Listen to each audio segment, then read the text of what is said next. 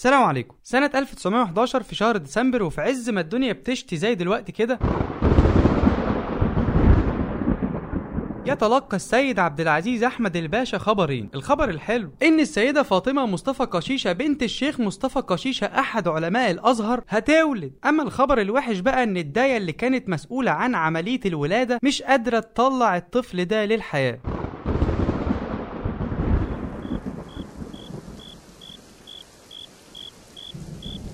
الأجواء متوترة والسماء مشحونة والجميع منتظر الواء واء. الداية مش عارفة تتصرف والراجل خايف على الطفل لا يضيع منه. فيمتحنوا القدر في إنه يختار ما بين حياة ابنه وحياة مراته. فيقرر السيد عبد العزيز إنه يشيع لطبيب الولادة الدكتور نجيب باشا محفوظ واللي كان شغال في المستشفى القبطي ساعتها. وروح اسأل جدك عن خطورة قرار زي ده أيامها. هيقول لك إن الطب النسائي ما كانش محبذ قوي بحكم العاهات والتقاليد. حضر الدكتور نجيب باشا محفوظ وبفضل الله ثم الطب. شرف الطفل العنيد ده يوم 11 ديسمبر في أجواء سينمائية ممطرة تليق ببطل قومي. وعشان ابوه يكمل الفيلم ده ويعبر للدكتور عن تقديره قرر إنه يسمي الطفل ده كاسم له لوحده نجيب محفوظ وسمعوني زغروطة.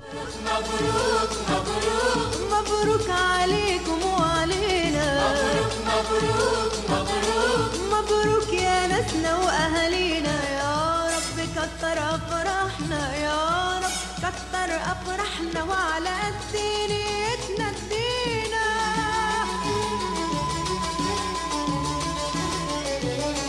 كبر الطفل نجيب محفوظ عبد العزيز أحمد الباشا ودخل الكتاب. كبر وترعرع في حي الجمالية بمنطقة الحسين وسط أربع أخوات ولاد وأختين بنات وكان أصغرهم بعيد عنه بعشر سنين بحالهم. مما أدى لإنه مش بس يتعامل كاخر العنقود ده تعامل كإنه هو العنقود كله. وفي يوم ميلاده الثامن واللي كان بيوافق 1919 حصل حدث من أهم أحداث حياته وحياة البلد كلها. ثورة 1919 واللي جددت شعور القومية الوطنية ساعتها بعد ما كان شعور الاغتراب وفقدان الهوية هو المسيطر. تخيل تبقى دي هديه يوم ميلادك من الدنيا. وفي مرة والطفل نجيب رايح المدرسة يعدي على قهوة من قهاوي الجمالية وركز في موضوع القهاوي ده الله يبارك لك. ووصل نجيب مدرسة الحسينية عشان يلاقي بالصدفة أحد زمايله ماسك كتاب غير الكتب المدرسية. فضول نجيب خلاه يسأل صاحبه عن الكتاب. أوبا إيه ده إيه ده الكتاب اللي معاك ده يا أسطى؟ يا عم ده كتاب مليان حواديت كده بس حلو. وقدر نجيب إنه يستعين من صاحبه الكتاب واللي كان اسمه مغامرات ابن جونسون وبدأت الجولة الأولى. في نفس الكشاكيل والكراريس اللي كان بيذاكر فيها بدأ يعيد كتابة الحواديت اللي كان بيقراها بطريقته ويكتب عليها بقلم نجيب محفوظ. كبر عم نجيب وآخد البكالوريا وآن الأوان يدخل الجامعة. وكعادة أي أب مصري أصيل كان مقرر له يا طب يا هندسة. معروف لكن أمه للأمانة كان نفسها الواد يتعلم الحاجة اللي هو حاببها. وجاءت ساعة الصفر. سنة 1930 دخل نجيب محفوظ جامعة القاهرة وجه ميعاده مع لجنة تحديد المصير واللي كان بيرأسها طه حسين عميد الأدب العربي. أستاذ طه قال له عايز تدخل كلية الآداب ليه يا ابني؟ نجيب راح قايل له سيادتك أنا عايز أدرس أصل الوجود. راح ردد عليه وقال له أنت فعلا بتقول كلام مش مفهوم. احذفوه في قسم الفلسفة. طب معلش حاجة أخيرة. أه سيادتك ما تعرفش الإنسان مخير ولا مسير؟ باشا يا باشا. وفعلا. سنة 1934 قدر نجيب محفوظ إنه ياخد الليسانس في الفلسفة من جامعة القاهرة واللي كانت معروفة في الوقت ده بجامعة فؤاد الأول عشان يتوظف كاتب إداري في نفس الجامعة ويعزل من حي الجمالية ويصبح أحد ساكني العباسية. الجولة التانية. وفي قعدة قهوة من قعداته المفضلة مع شلة الحرافيش انشغل الفيلسوف طبعا بفكرة طب وبعدين؟ وبعد الوظيفة؟ طب أنا مين؟ طب أنا رايح فين؟ أنا راجع تاني؟ وقرر يرجع فعلا لحبه الأول وهو الحواديت والحكايات. فراح بأدب للأدب وبدأ يكتب نجيب محفوظ القصص القصيرة مع احتفاظه بوظيفة الجامعة. في الوقت اللي كان بيكتب فيه القصص ببلاش وما كانش عارف هيعمل بيها إيه فضل يكتب برضه مقالاته الفلسفية واللي كان بينشرها له سلامة موسى في مجلته لحد ما اقتنع بيه ككاتب ونشر له أول قصة ليه بعنوان تمن الضعف. الجولة الثالثة. وقصة ورا قصة لحد ما وصلوا ل 80 واتنشروا مرة واحدة في مجموعة قصصية بعنوان همس الجنون. ويقال إنه كان متأثر جدا بالأدب الروسي. ويقال ساعتها إنه أخد جنيه بحاله يعني آه، هو ربنا ييسر وكل حاجة بس آه، هتعمل إيه في الوظيفة؟ سنة 1938 ساب نجيب الجامعة وتوظف سكرتير برلماني لوزير الأوقاف. واللي بعدها عينه مدير مؤسسة القرض الحسن. وقدر يجمع أكبر قدر من الشخصيات والتجارب عشان يكون جاهز يكتب أول رواياته عبث الأقدار رواية بعد رواية وحس الأستاذ إنه محتاج يقرب أكتر للواقع. فبدأ يحط كل جهده الفكري والإبداعي في إنه يكون شغله معبر عن الواقع. وقدر فعلا في وسط سلطة الإنجليز وسلطة الملك وحتى سلطة الإقطاعيين إنه يطلع روايته الواقعية الأولى القاهرة الجديدة. واللي كانت بتدور في الثلاثينات حوالين الصراع ما بين الشباب الجامعي وطبقة الأغنياء في الوقت ده. ومن ساعتها يا سيدي وشغل نجيب محفوظ كله بقى يدور حوالين الواقع. وبدأ يصيغ طرق وأسس جديدة ما كانتش موجودة قبل كده في الرواية العربية. زي إنه مثلا اهتم بالانفعالات الداخلية لشخصيات رواياته. وخد مثال على ده مشهد الصحفي محجوب عبد الدايم والقرنين في فيلم القاهرة 30 زواج سعيد إن شاء الله. اسم العروس. الآنسة إحسان كريمة المعلم شحاتة تركي. تسجيل في أوراق رسمية يا ولاد الكلب. والعريس؟ الأستاذ محجوب عبد الدايم حسنين. نرجع للقاهرة واللي بقت ملعب نجيب محفوظ. نجيب لقى نفسه في واقع القاهرة واللي تقدر تقول عليه كنز لأي كاتب أو مبدع بشكل عام. فقدر نجيب إنه يستخرج تاني كنز من كنوز رواياته واللي كانت بتدور في مكان اسمه خان الخليلي. فطلع لنا نجيب بروايته التانية واللي سماها بنفس اسم الشارع المشهور. وهنا بتظهر موهبة ونضج نجيب في إنه مش بس بيعبر عن الواقع ده كمان بيتكلم عن مجتمعات وأسر مهمشة. ودخل نجيب محفوظ أماكن محدش دخلها قبل كده جوه شوارع وحواري القاهرة. وبدأ يكتب عن شخصيات بلغة الكتابة بيقولوا عليها شخصيات مهمشة. زي إنه مثلا يكتب عن الفران ومراته في رواية زقاق المدق وواحدة واحدة وبكوباية شاي بالنعناع على قهوة في القاهرة كان بيغير نجيب محفوظ تقاليد الرواية العربية. الجولة الرابعة. بالترتيب كده بين القصرين وقصر الشوق والسكرية. عمك نجيب بقى قرر يكتب عن الأسرة المتوسطة في الفترة ما بين ثورة 19 و 1952 وجمع أكبر قدر ممكن من الشخصيات اللي شافها في الشوارع والقهاوي والبيوت وأشهرهم طبعا شخصية السيد وأمينة. سيدنا الحسين دعاني قمت لبيت وأنا راجعة المقطر حصل يعني خرجت يا أمينة. أيوه يا سي السيد قدر نجيب محفوظ يغير شكل ومضمون السينما المصرية. في أفلام زي فيلم أنا حرة وفيلم جميلة وفيلم جعلوني مجرما وفيلم بين السماء والأرض وأفلام تانية كتير. لحد ما وقف عن كتابة السينما وتعين رئيس المصنفات الفنية. وكتب أولاد حارتنا. سنة 1959 الكاتب محمد حسنين هيكل اللي كان ماسك جريدة الأهرام طلب من نجيب محفوظ إنه ينشر روايته في الجورنان كل يوم جمعة، أنت متأكد يا حاج؟ إلا متأكد، وبدأوا فعلا النشر على عامة الشعب وبدأت المشاكل معاها، فصل بعد فصل وجمعة بعد جمعة وتقوم عليهم المشايخ في الوقت ده بحجة إن الرواية بتلمح لحياة الأنبياء وبتتطاول على الذات الإلهية، نوقف النشر بقى، استمر حسنين هيكل في نشر باقي الفصول بل وبدأ ينشرها يوم بعد يوم. لحد ما هاجمهم أحد أكبر شيوخ الأزهر. الشيخ محمد الغزالي واللي وصف الرواية بالكفر؟ لا وقدم بعض الكتاب بلاغات للنيابه في الوقت ده لوقف نشر الرواية. لحد ما وصل الموضوع للرئيس جمال عبد الناصر شخصيا واللي بدوره قرر يعمل لجنة من الأزهر عشان تقعد مع نجيب محفوظ. وجه اليوم وحضر نجيب ويقال إن لجنة الأزهر هي اللي ما حضرتش. فاستقر الوضع على إن الرواية هتتمنع نشرها في مصر واتطبعت في بيروت سنة 1868 الجولة الخامسة. 13 أكتوبر 1988 وبينما نجيب محفوظ نايم في بيته في يوم خميس يرن جرس التليفون وترد السيدة عطية الله مرات الأستاذ نجيب. نجيب اصحى يا نجيب ده أنت باين لك أخدت جايزة نوبل. طبعا نجيب بحسه الفكاهي قال لها أنت بتقولي لي كده عشان أصحى؟ طب أديني صحيت. قالت له التليفون رن ولو مش مصدق عندك التلفزيون أهو. اتأكد نجيب من الخبر فعلا ويقال إنه رجع يكمل نومه. ما أنت منتظر من واحد ما راحش استلم الجايزة أصلا. أستاذ نجيب بقى قرر يبعت بنتين وفاطمة وأم كلثوم عشان يستلموا الجايزة مكانه. وبيتقال كمان إن لحظة إعلان أسماء الفايزين بدأت الصحافة العالمية تسأل مين نجيب محفوظ ده. فرد عليهم وقال بسم الله الرحمن الرحيم. اولا آه، بحب أشكر الأستاذ البني آدم اللي كان بيتكلم من شوية. وبحب أتوجه بالكلام للسيد مسؤول آه، آه، حموم الإنسان إن النهارده الجنيه غلب الكارنيه في الوقت اللي كان العالم بيحتفي بنجيب محفوظ كان في ناس للأسف بتصطاد في المياه العكرة. سنة 1994 وفي نفس الشهر اللي أخد فيه الجايزة مواطن مصري مغسول دماغه يستنى نجيب محفوظ تحت بيته عشان يضربه بالسكينة في رقبته وبسرعة اتنقل نجيب لأقرب مستشفى واتنقل المواطن ده للتحقيق. وفي التحقيق اكتشفوا إنه ده مواطن لا بيعرف يقرأ ولا يكتب أصلا. وكل الحكاية إنه سمع أحد المشايخ بيقول إنه نجيب نجيب محفوظ ارتد عن الإسلام وواجب قتله. بس الحمد لله قدر الأستاذ إنه يقاوم عشان يقوم منها. بس للأسف من ساعتها وهو شبه محبوس في بيته تحت حراسة الشرطة. وبيتقال كمان إن أثر الطعنة دي للأسف ما خليتوش يكتب تاني إلا لمدة دقايق معدودة لحد ما وفاته المنية 30 أغسطس سنة 2006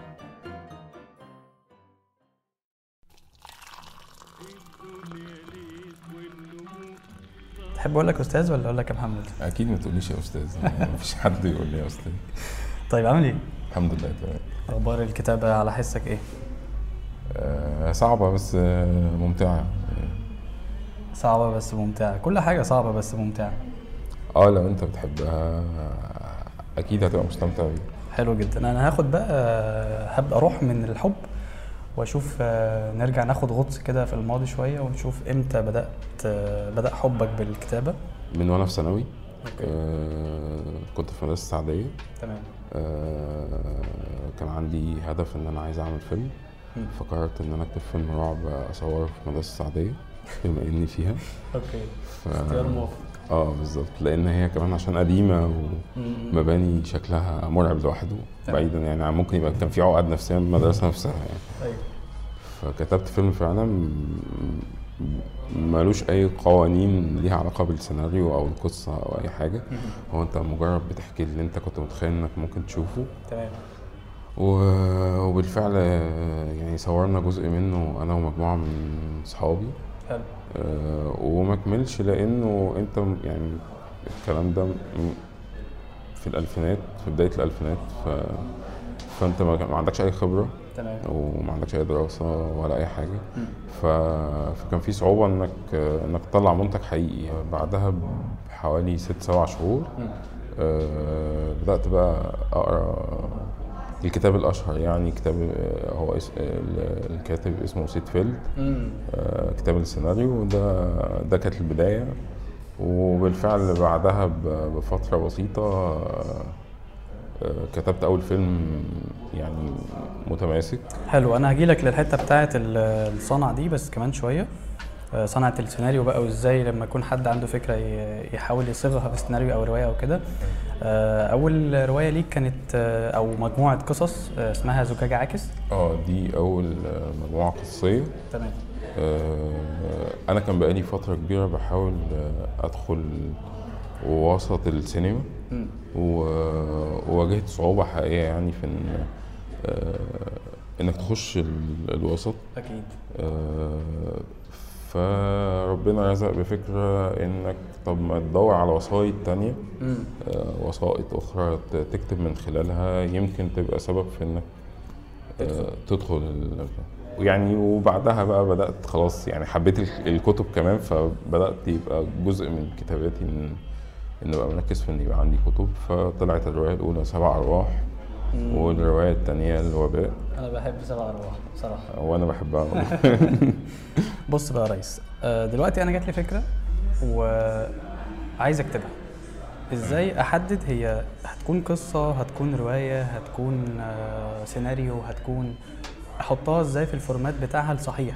أنا بشوف إن أي فكرة تحتمل تروح لأي وسيط. ولكن أنت بتتناولها إزاي؟ انت عارف طبيعة الوسيط اللي انت رايح له. يعني هتعملها فيلم غير هتعملها رواية غير هتعملها قصة قصيرة غير غير غير. تمام. آه ولكني بشوف إن في الغالب أغلب الأفكار ينفع تبقى كل حاجة. كل الوسائط. لكن أنت ال... في ناس عندها القدرة ان تحول من قصة قصيرة تعمل مشروع آه، سينمائي مهم. وفي ناس ما عندهاش القدرة إنها تحول رواية لمشروع سينمائي أصلا. ال- اللي هيحكمك أنت كشخص إنه الفكرة دي هتروح فين؟ انت شايف عندك فيها إيه ممكن يتقال؟ حجم المعلومات اللي فيها تصورك رؤيتك آه، أنا ممكن آه، أشوف واحد بيعدي الشارع بطريقة معينة فاقول انه آه، دي قصة قصيرة حد خبطه فحصل كذا. وفي نفس الوقت ممكن أعمل آه، فيلم إنه لما اتخبط ده أثر على عيلته بكذا وعمل كذا و... فبقى سيناريو. فبقى سيناريو. أو أو إنه كان قاتل محترف فأنقذنا حد. في مئة ألف احتمال. أكيد. أنت اللي عندك هو اللي هيحدد أنت آه، ال- ال- الفكرة نفسها رايحة لأنهي اتجاه. طب إزاي يعرف لو ده أصلا حد يعرفه يعني؟ أنا رأيي إنه في البداية لازم يبقى عندك مجموعة كده ثقة يقولوا لك أنت محتاج تتطور قد إيه محتاج تغير قد إيه آه، قبل قبل ما يعني قبل ما تخدع نفسك لأن ال- الكتابة محتاجة نفس طويل وفي الغالب محتاجة سنين. الخطوة اللي بعدها إنك تعرف أدوات الوسيط اللي أنت رايح له ده شكلها عامل إزاي. آه عارف إنه في الأساس أنت ممكن آه تطلع طريقة جديدة ل- ل- لسرد القصة طريقة جديدة لحكي الفيلم طريقة بس انت لو مش عارف القواعد الأساسية مش هتعرف إيه القواعد ال- اللي انت بتكسرها وايه اللي انت بتعمله من جديد. أو إبداعك مش هتبقى عارف هو هو إبداع ولا مجرد آه، حاجات بالظبط حاجات مهلهلة يعني مش مش مقتنع الخطوة الثالثه بقى إنك آه، الأصعب إنك تخترق بيه عالم ما يعني سواء آه، منتجين سواء ناشرين سواء صحف سواء آه، آه سجلت وعملت كل حاجة. أحطها على النت بقى ولا آه، عندك طريقين أو طريق الأساسي إنه كل أغلب دور النشر الموجودة حاليا آه، أنا بتكلم على مصر يعني. آه، كل مرتين في السنة بيطلبوا آه، على صفحاتهم الرسمية إن هم يقروا الأعمال الجديدة من باب إنه ممكن يتحمس لنشر روايه التسويق. مهما أنكرنا يعني دون بس التسويق جزء كبير ومهم من نجاح أي عمل فني وتحديدا حاليا في في الكتب. ف... فده لازم تبقى شايفه وعارفه وعامل حسابك عليه و... وعارف حتى جزء صغير من قوانينه عشان آه عشان عشان ما تلاقيش نفسك نزلت كتاب وما محدش عارفه أصلا. حلو بقى عندنا الرواية وسمعت إن شاء الله يعني وعملت مبيعات كويسة. فلمع عين المنتجين والمخرجين إن هم عايزين يحولوها لفيلم. تمام. اقلع بقى عباية الروائي دي؟ آه. تعالى بقى البس لي لبس السيناريست. في آه، خطوتين. أو في روائيين كتير ما بيحبوش يكتبوا السيناريو. أو بلاش ما بيحبوش في بعضهم ما بيعرفش. أوكي. مش آه ما عندوش الملكة يعني. آه، ما عندوش الحرفة. السيناريو شوية مختلف عن الرواية إنه في الأساس في حرفة في الأساس يعني في صنعة ينفع تذاكرها. آه، ممكن ما تبقاش قاص كويس ولكن سيناريست شاطر جدا. في الحالتين الأصعب إنك تسيبك بقى من الرواية اللي انت كنت عاملها دي وتتعامل انك بتعمل منتج مختلف تماما. أوكي. آه، سواء سبت ال- الكتابة ل- ل- لسيناريست آخر إن هو اللي يكتب فهو هيطلع برؤيته. آه فيها لازم يبقى فيها روح الرواية وش- وبعض شخصياتها و أو الكثير من شخصياتها ولكن ممكن تلاقي شخصيات جديدة ممكن تلاقي شخصياتك المهمشة بقت شخصيات مهمة. طب ده محبذ أصلا عندك ككاتب يعني إن حد يجي يلعب في حاجتك كده لا مؤاخذة يعني. يعني إنه في النهاية أنت أنت قلت هيحط شخصيات تانية أو مش يحط ممكن يحط شخصيات تانية. هو؟ خلي بالك أنت ممكن أنت نفسك لو أنت اللي بتكتب هتعمل ده. وأنا بيتهيألي هو ده أصح حاجة إنك هو عمل مختلف ليه طبيعة مختلفة ليه طريقة مختلفة. طب أقول لك على حاجة كسيناريست إمتى بتن... بتنتهي مهمتك ككاتب سيناريو؟ آه وخلاص بقى أنت إيدك بره والمخرج والمنتج هم اللي هيكملوا المسيرة. هو أنت بمجرد ما طلعت سيناريو مكتوب بشكل جيد آه ال ال يعني أنت راضي عنه خلاص أنت مهمتك انتهت. آه طريقة بقى طرح دون شكله شكلا. على على المشاهد دي حاجات بتاعت يعني المخرج هو اللي بيحددها. بما ما, ما يتعارضش مع اللي انت كاتبه. طول الوقت بيفضل في تعديلات على السيناريو ولا هو خلاص يعني أنا شكرا أنا خلصت شغلانتي أنتوا كملوا بقى. إمتى بينتهي السيناريو كورق؟ آه لما تشوف الفيلم إن شاء الله. بجد؟ آه في أعمال كتيرة اضطروا في وقت مثلا زي المونتاج إنه حسوا انه في حاجات واقعه حاجات مش واضحة في الفيلم. فاضطروا مثلا يضيفوا لها في أو مثلا آه، خلال يغيروا طريقة السرد بتاع الحكاية فبيضيف. فده هيبقى شغلتك انت. فانت برضه في النهاية زيك زي كل صناع العمل مش هينتهي دورك لغاية ما يتعرض. خلاص لو هو بقى حاجة ما فيهاش رجعة. طيب إحنا خلاص يعني ودعنا 2020 بالسلامة ودخلنا في سنة جديدة. ربنا آه، يستر. كل سنة وانت طيب. وانت طيب. 2021 آه، هتاخدنا رايح لفين؟ أو هتاخدنا معاك على فين؟ والله يا جماعة أنا عملت الوباء بس ما كانش قصدي. okay. ف الوباء اللي هي روايه اللي هي رواية الوباء سيرة من حاول النجاة. okay. آه، بس الوباء عندك ما كانش الوباء بس آه بس الوباء يعني. ما كانش كورونا خالص. بص أنا شايف إن في وباء أكبر وأصعب. ده اللي كل الناس. يا مرت بيه يا بتمر بيه يا هتمر بيه.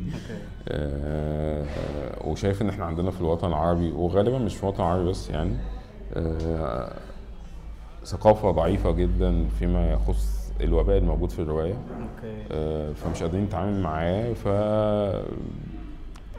بنتأذي أكتر لو عندنا شوية وعي إزاي نواجهه و- والأزمة إن هو مش وباء منتهي يعني مش هتاخد آه، لقاح. لقاح ونخلص. لا هو وباء ممكن آه، هو مستمر غالبا من ساعة ما البشرية آه، يعني اتوجدت. ف...